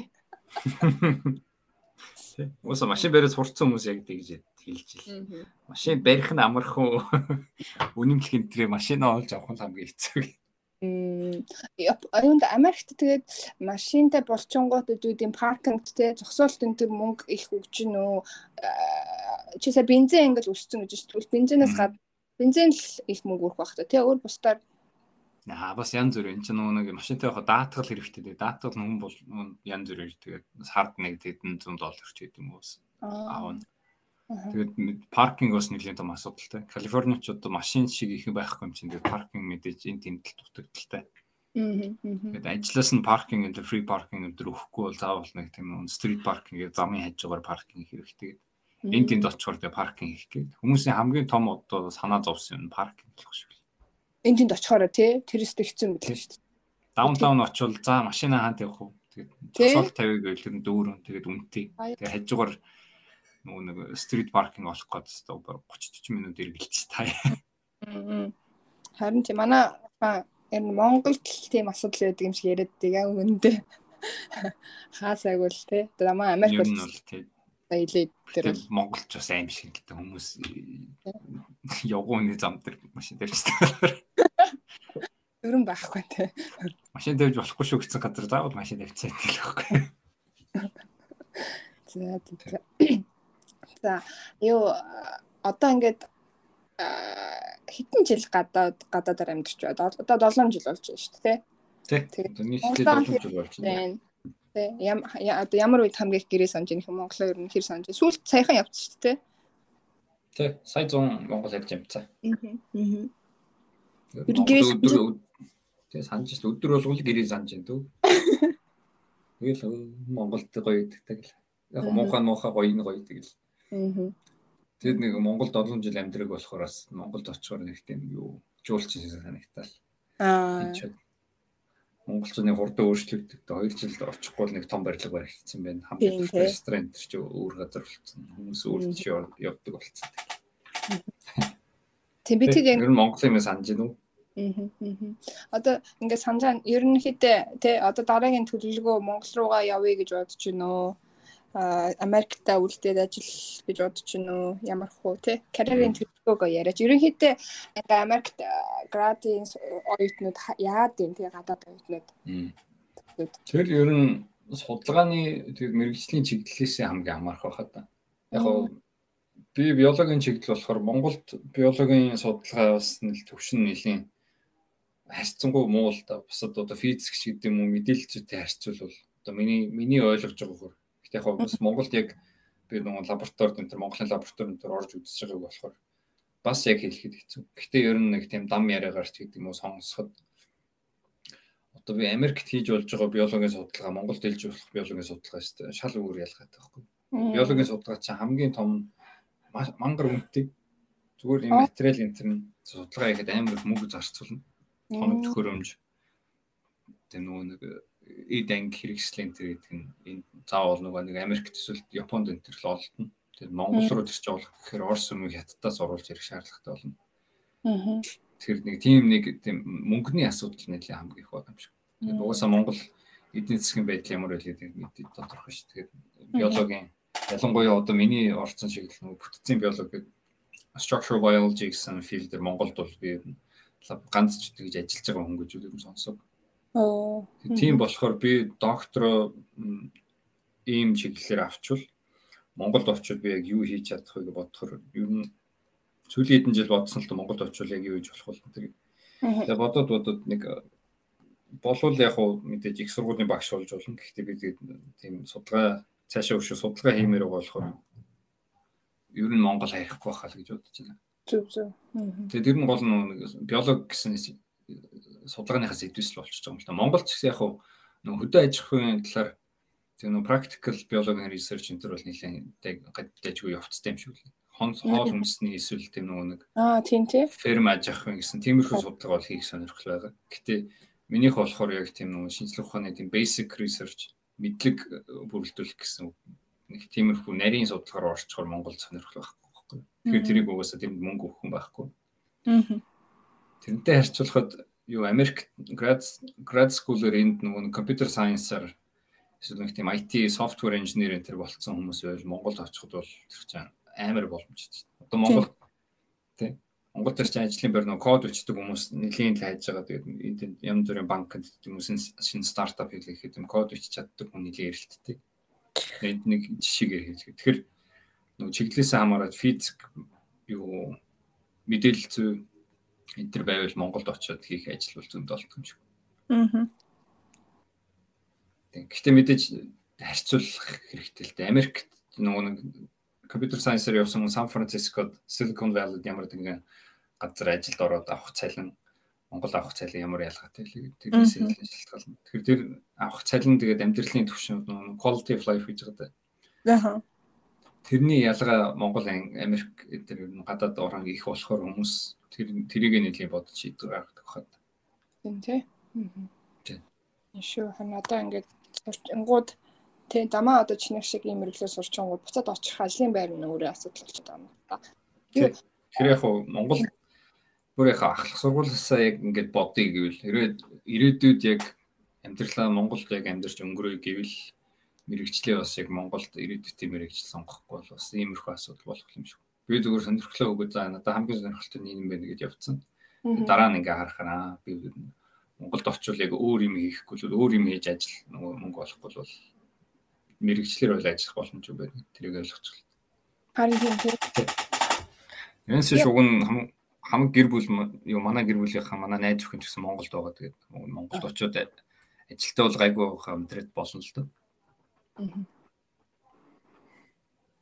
Тэр Монголд бол уг нь яг болов харимэр л. Гэтэ одоо нэг хэсэг гадаадаар амьдарч ажиллаж байгаа. Тэгээд дараа нь одоо 30 40 төдөө тэгээд юу хийж амжилсан бэ гэдгийг харж байгаа. За одоо Монгол буцах байх гэдэг шийдэх бах та. Аа. Окей нэрээ сая биолог гэдгсэн шүү дээ. Тэнгүүд би чиний биологи л гэдсэн болохоос яг жоохон одоо яг хийж байгаа чинь арай сонс. Тэрийг нэг амархан үгээр тайлбарлаад. Тэг би миний судалгаа хийж байгаа тийм нэг research field нь structural biology гэдэг. Тэгээд монголоор би хэлэхээр бүтцийн биологи гэж орчуулад байгаа. Аа.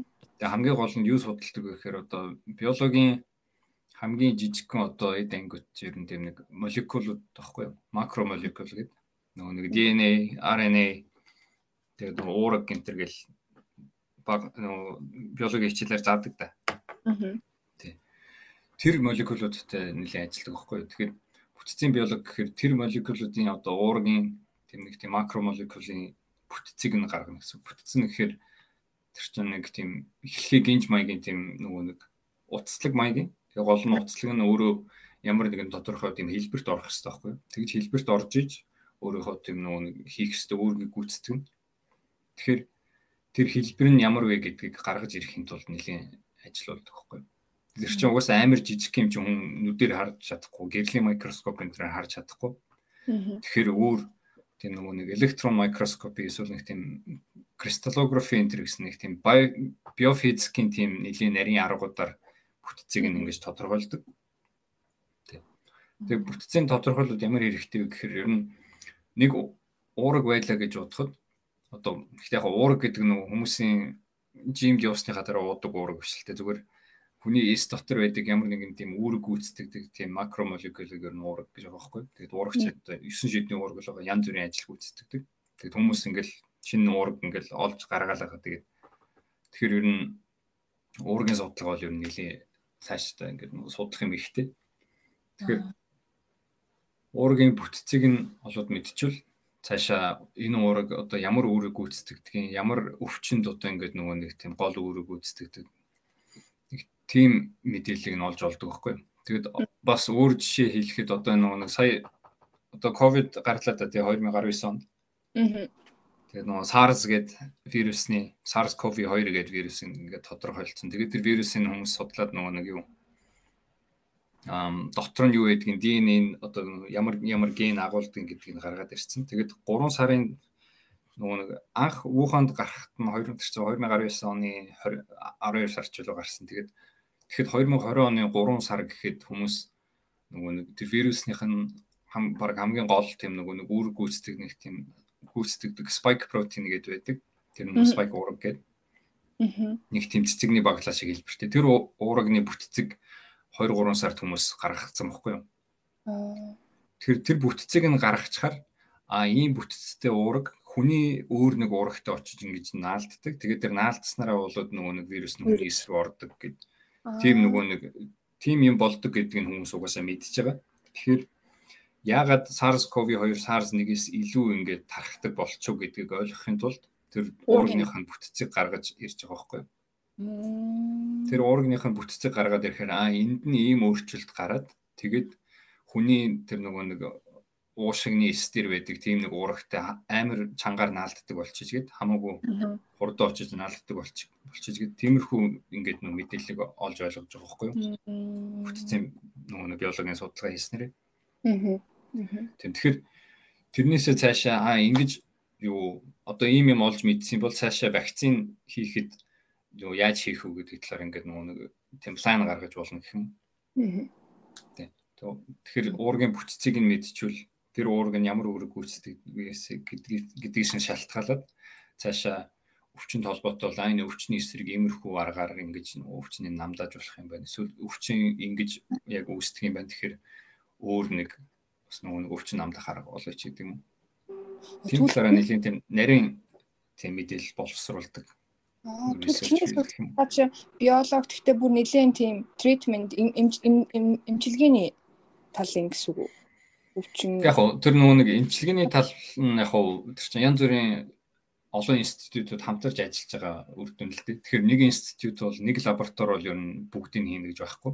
Тэгэхээр нэг лаборатори манай лаборатори жишээ нь юу уургийн бүтэц гаргаж ирдэг. Янз бүрийн уураг байлаа. За энэ уураг энэ ийм нэг уураг байна. Ийм юм чухал. Гэхдээ бид яаж харагддгийг нь мэдэхгүй. Гурав дахь бүтэц нь юу вэ гэдгийг мэдэхгүй. Тэгэхээр манай лаборатори тэр бүтэцийг ингээ гаргаад тэгээд нэг пейпер гаргана тийм Тэр пейпер гаргахаар хүмүүс аа энэ уураг чинь ингэж харагддаг байсан байна. Энэ хэсэг нь нөгөө нэг секвенсийнх нь энэ хэсэг нь хамгийн чухал болж таарлаа гэд. Тэгэхээр тэр мэдээллийг олж аваад өөр лабораториуд тэгвэл бидэд одоо clinical research хийж байгаа одоо энэ clinical trial да ийм өөрчлөлт гаргая. Энэ бүтцийг ингэж ашиглая гэдэг юм уу. Тэгээд тэгэж явдаг. Тэгэхээр миний судалгаа бол яг яг нөгөө нэг тийм эмнэлэг тийм юу эм гаргаж авах талдаа биш. Зүгээр бүтцийг нь тодорхойлох тийм бүтцээс нь юу олж мэдэх үү юу олж сурах уу гэдэг талдаа нэлийн нэлийн юу? Тэр нь тэр нь хамгийн чухал юм миний судалгаанд. Зүг зүг зүг зүг тэгвэл яа тийм ээ. Айгуу том тий ста юм нэг адинлтэй зарим нэг эксперимент хийх юм байна л да. Тэгжээж л одоо энэ ковидыг эмчлэх юм гарч гарч идэг байна шүү дээ тэгэхээр чинь. Тий. Тий. Ер нь тэг биологийн судалгаач одоо яа биологийн чиглэл одоо химийн судалгаа одоо энэ физикийн судалгаа энэ чинь улс орон олон орон бүрээс янз янзын лабораториуд гаргаж ирсэн мэдээлэл хоорондоо солилцоод тэгээд тэгж л урагшилж байгаа филд болохоор юм ба тий. Яг ингээд өөрөө сонирхолтой сонирхолтой болохоор л хийж байгаа л да. Надад. Мм. Тин тий харин тэгээд нэгэн сонирхлоо дагцсан юм чаа. Уусаа Тэ. Тэгээд хамгийн гол асуудал нь ингээд хүмүүс тайлбарлах гэхээр үг мүг олдохгүй. Ялангуяа монголоор ярих гэхээр ингээд нөгөө нэг одоо сайн тайлбарлаж чадахгүй болчтой би. Энэ угаас англиар судалгаа юм тэгээд. Мм наад чи маг анх бас доктороо орох уу яах уу гэж яхад манай докторын симпа хэлчихсэн шүү дээ. Чи докторийн синдром гэж мэдхүү гэсэн чинь юу юм гэсэн нөгөө Донли болчдаг гинэ. Яа тэгэхээр чиний хийж байгаа ямиг чи хүн чи одоо өөр хэнийг юу хийж байгаагаа тайлбарлаад өөр хэнийг чиний юу хийж байгааг ойлгож иж тэрнээсээ нэг тийм нэг комфорт авдаг юм л дээ. Тэгэнгүүт огт тийм байхгүй болчингууд одоо огт нь цаашаа тий айгу цөөхөн одоо чиний нэг тэрэл те багш чинь мэдж байгаа нэг ганц хоёр те найзууд чинь мэдж байгаа. Тэгээд өөр байдаг гуулангууд тэрнээсээ болж шунал ядаг гэсэн юм ордог шээ. Тий.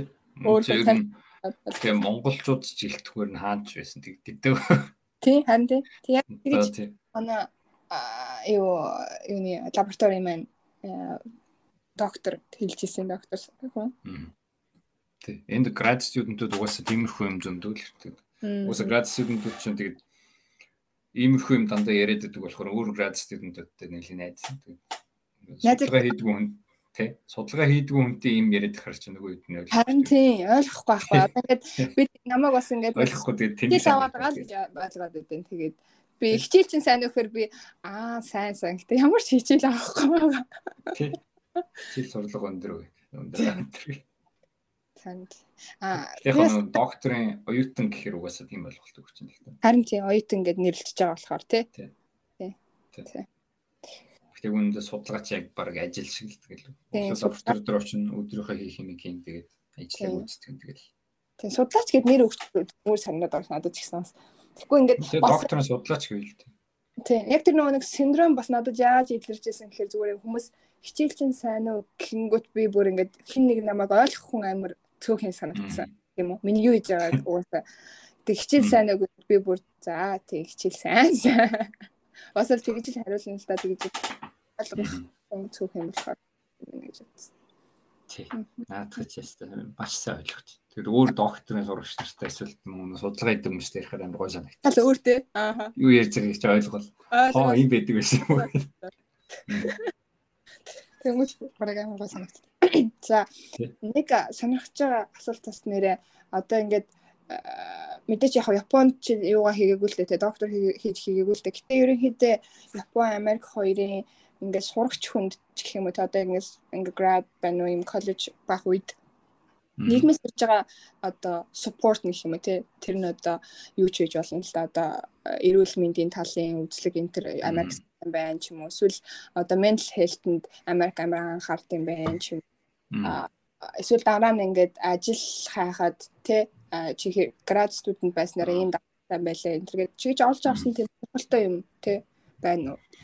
Мм миний туршлаганд ер нь Nagoya их сургуулийн G30 програмч тэр одоо байгаа scripts research тэр тэр юу аль аль нь энэ талаар нэлээд юу resource өндөртэй.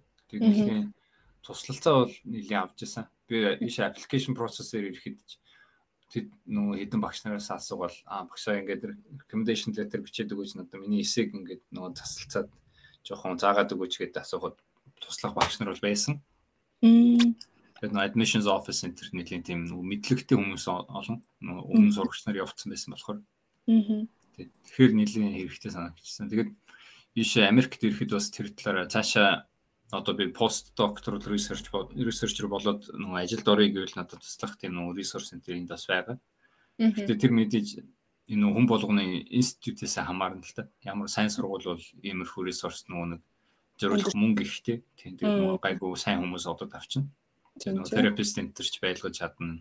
Тийм нөө ресурс өндөртэй байлгаж чадна. Тэгээд Scripps яг нь private research institute гэсэн ер нь нэлээд тийм нэг том том тийм алдартай багш нар зөндөө байдаг болохоор ер нь гайгүй мөнгөтэй.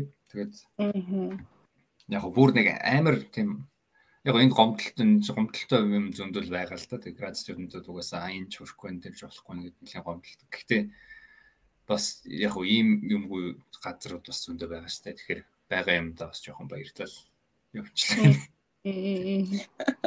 Хамгийн наадах нь нөгөө нэг Америкт эрүүл мэндийн даатгал амар өөрөө заавал төлөх хэрэгтэй амар үнэтэй штэ. Тийм баг тийм. Эрүүл мэндийн даатгал өгдөг. Тэгэхэд манай сургуулиас эрүүл мэндийн даатгал ер нь баг хамгийн гайгүй тийм нөгөө нэг өргөн өрөөтэй эрүүл мэндийн даатгал өгж байгаа байхгүй юу? Сурагч нарт. Тэгэхээр Тэр чинь бие мие үзүүлээд янз бүрийн нөгөө ядаргаанд орж мороод өвчин өвчин тусвал энэ амар хэрэг болдог. Тийм тий. Тэр талаараа тийм их сайн. Хүчнэр Америкт тэгээд эрүүл мэндийн даатгал маатгал тийм одоо нийгмийн хангамж нь Японоос дээр ингэж бодогдоогүй юм сүртэй. Нийгмийн хангамжлалаас бас хэцүү шүү дээ. Яг нөгөө нэг мөнгөтэй хүмүүстэй гайгүй дээ. Мөнгө байхгүй бол ер нь хэлийч. Цаанаасаа universal healthcare гэдэг байхгүй юм чи. Японд ч бол хүн болгонд л эрүүл мэндийн даатгалтай шүү дээ. Тэгээд нэг эрүүл 30% нөгөө өөрөө төлдөг бусдын даадаг энэ төр. Америкт болохоор тэр янз бүр байхгүй юу? Ажлынхаа газраас хамаарна. Эсвэл өөрөө ямар даатгал олж чадах нь гэдгээс хамаардаг. Тэгээд угаасаа даатгалтай байсан ч гэсэн юм төлөх хэрэгтэй л болчихвол Америкт энэ юу эмний үн эмчилгээний үн ёстой амар үнэтэй. Харин бүр арай л юм билээ тий баг. Угаасаа солиот. Өгсөн дээр юм билээ. За харин тийм нөө юу QQ-шаа гэдэг нэг emergency юу дуудана да. Тийм тийм тийм emergency. Тий. QQ-шаа. Тэр чин цаана цаанаасаа юу чамаас мөнгө нэх ш тоноос. 1000 доллар гэлөө баг 500 доллар гэлөө. Яг хөө тэрийн сайн мэдгүй. Гэхдээ ямар ч зэн мөнгө нэхдэг гэсэн. Тэр нэг үнэг биш. Би фонд QQ-шаагаар хоёр удаа явуулсан шүү дээ. Тэгээд үнэгүй байсан шүү дээ. Харин тий. Фонд уулах чинь нэг хүнтэй болдог. Аха. Зүг зүг. Сургуулийн нэр нь одоо тэр сургуулийн судалгааныхаа script um Scripps Research Institute гэдэг. Сан Диего. Энэ Scripps гэдэг зүгээр нэг 1800 донд амьдарч ирсэн нэг тийм баян хүн юм да. Тэгээд Сан Диего хавар нэлийн олон тийм нэг эмнэлэг интерт donation өгöd. Аа. амар хөрөнгө оруулалт хийжсэн тийм нэг Ellen Ellen Brown Scripps гэдэг нэг хүн байсан юм бэл. Аа. Тэгээд тэр хүний хойд нэр Scripps гэдэг нь юугаар нэрлэлсэн. Мм. Окей. Тийм судалгааны газар та. Тэгээд зөв сая нодлон манай Scripps-с юу нэг neuroscience-ийн судалгаа хийдэг нэг багш Нобелийн шагнал авсан. Тэгээд сая энэ жил бас нэг химийн багш хоёр дахь удаага Нобелийн шагнал авчихлаа. Па. Вау, би хин нэлийн алдартай хүмүүс энэ байт. нэг эмэгтэй хүн байсан үү те Нобелийнх нь. Гүү тэр нөгөө Barry Sharpless гэдэг Би гурван хүн авсан да энэ жил химийн харсан. Тэгээ нэг нь эмэгтэй хүн багш байсан. Тэрний Хоёр нэмэгтэй хүн байсан. Хоёр нь эрэгтэй. Тэр хоёр эрэгтэйгийнхэн тэр халдсан хөгшин багш нь. Вау, вау. За тэгвэл найздаа одоо Нобелийн шагнал аваарай гэж өрөө хөөе. Чад Нобелийн шагнал батнарын ажид байгаа юм бол аа Наа яг нэг тиймэрхүү яриа зөндөө байдаг л та. Нобелийн шагналтны хүүхэд бол Нобелийн шагнал авах нөгөө статистик нь хамаагүй өндөр гэл. Шагналтын хүний лабораторид ажиллаж исэн бол тэр нас өндөр гэл зөндөл яриа. тий. Тий. Яг баярлалаа. Монголын анхны Нобель авбал нэрээ яа. Гоё юм. Одоо Монгол хараад яах нь зүгээр зүгээр. Аа тэр чи тэр чи том симпай нарын ажил бах уу? Нэгдүгээр Батцаа гэдэг шинэ Монголын симпай байгаа юм.